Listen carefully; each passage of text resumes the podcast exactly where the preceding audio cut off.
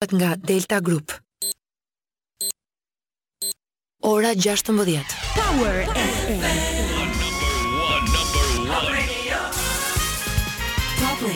Flash në Top Albania Radio. Informacionet kryesore të ditës. Përshëndetje, këto janë lajmet e orës 16. Përshëndetje.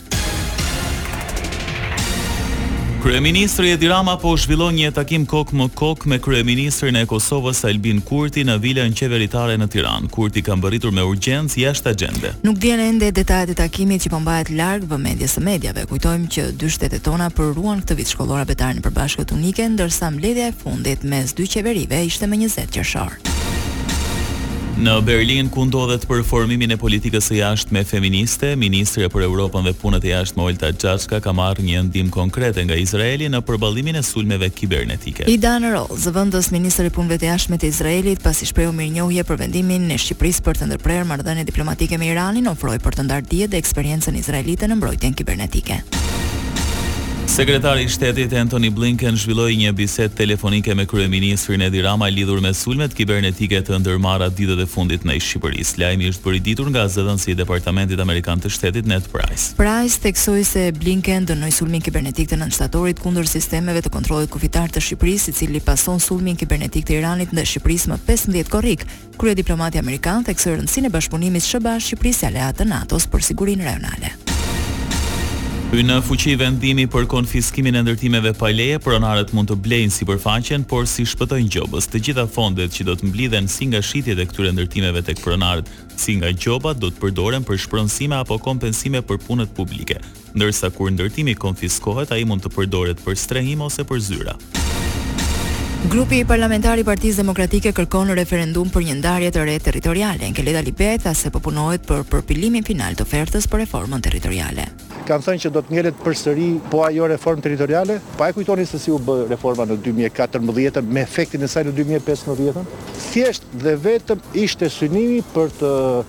fituar zgjedhjet lokale të dy mijë e pesëmbëdhjetë-s në tavolinë. Partia Demokratike kërkon hartë të re territoriale bazuar në nëntëdhjetë e dy bashki dhe gjashtë rajone, ndërsa maxhoranca i qëndron idesë së ndarjes aktuale me gjashtëdhjetë e një bashki dhe dymbëdhjetë qarqe. Ndërkaq, sot në orën tetëmbëdhjetë mbahet protesta e Partisë së Lirisë. Kryetari Ilir Meta deklaroi se do të jetë një tubim paqësor tek inceneratori i Tiranës. Një protestë e parë, që sigurisht do të vijohet edhe nga të tjera, sikurse e kemi bërë të qartë. E fillojmë tek inceneratori i Tiranës, sepse skena e krimit aty është më flagrante dhe padyshim që do të vazhdojmë edhe në skena të tjera të krimit, të vjedhjes, të grabitjes që u bëhet qytetarëve tanë. Lajme nga rajoni. Këshilli Grevist i Bashkimit të Sindikatave të Pavarura të Kosovës konfirmoi se nuk u arrit marrëveshje me qeverinë për t'i dhënë fund bojkotimeve. Atë pesëdhjetë për qindshin e pakos ata e kanë refuzuar dhe kjo nënkupton se për momentin situatën e kemi të njëjtë, njëjtë sepse nuk ka ndryshuar asgjë dhe po them, dmth se në këtë situatë anëtarësia prapë do t'i thotë jo pakos edhe prapë do të jemi në një situatë çfarë e kemi tani. Në grevë nga njëzet e pesë gushti janë mësimdhënësit, edukatorët e kopshteve publike, punonjësit e administratës, ata të institucioneve lokale dhe qendrore të Kosovës. Kërkesa kryesore e sindikatave është akordimi nga njëqind euro në muaj derisa të hyjë në fuqi projektligji për pagat.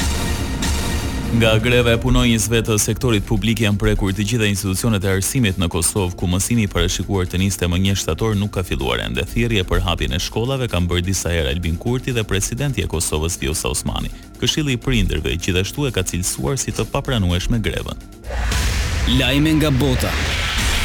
Hapet një tjetër front lufte sulme dhe kundërsulme prej mesnatës në kufirin mes Armenisë dhe Azerbajxhanit. Dy vendet kanë raportuar për një sërë viktimash mbi Malësinë e Karabakut. Ministria e Mbrojtjes e Armenisë deklaroi se ushtria e Azerbajxhanit filloi sulme me artileri të rëndë dhe armë të kalibrit të rëndë kundër pozicioneve të ushtrisë armene pranë rajoneve Goris, Sotk dhe Yermuk. Nga ana e saj, Ministria e Mbrojtjes së Azerbajxhanit njoftoi se forcat e saj nisën sulmet në shenjë hakmarrjeje për minimin e zonave nga armenët. Ministri i Jashtëm i Ukrainës, Dmytro Kuleba akuzoi Gjermaninë se ka injoruar lutjet e Kievit për furnizim me tanke Leopard dhe automjete luftarake të këmbësorisë Marder. Ai tha se Berlini u ka ofruar vetëm justifikime dhe frikë abstrakte për mosdhënien e pajisjeve të tilla ushtarake. Gjermania ka cituar historinë e saj në luftëra, si arsye për veprime të kujdesshme kur është fjala për furnizim të Kievit me armë të rënda. Forcat ukrainase kanë arritur të marrin në kontroll territore të tjera nga Rusia ndërsa vazhdojnë kundërofensivën e tyre, ka thënë presidenti Volodymyr Zelensky.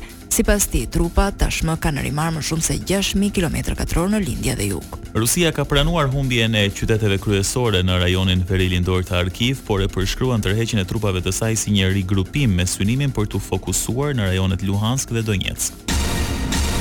Franca ka marrë masa për të kursyer energjinë elektrike për shkak të krizës që ka prekur shumë vende në botë. Parisi vendos të kursejë ndriçimin publik dhe ngrohjen e ndërtesave për të përballuar faturat e larta. Masa drastike kanë nisur me reduktimin e ndriçimit të natës të Kullës Eiffel me pak më shumë se një orë, një masë simbolike, duke qenë se ndriçimi gjatë natës përbën vetëm katër për qind të konsumit. Art dhe kulturë.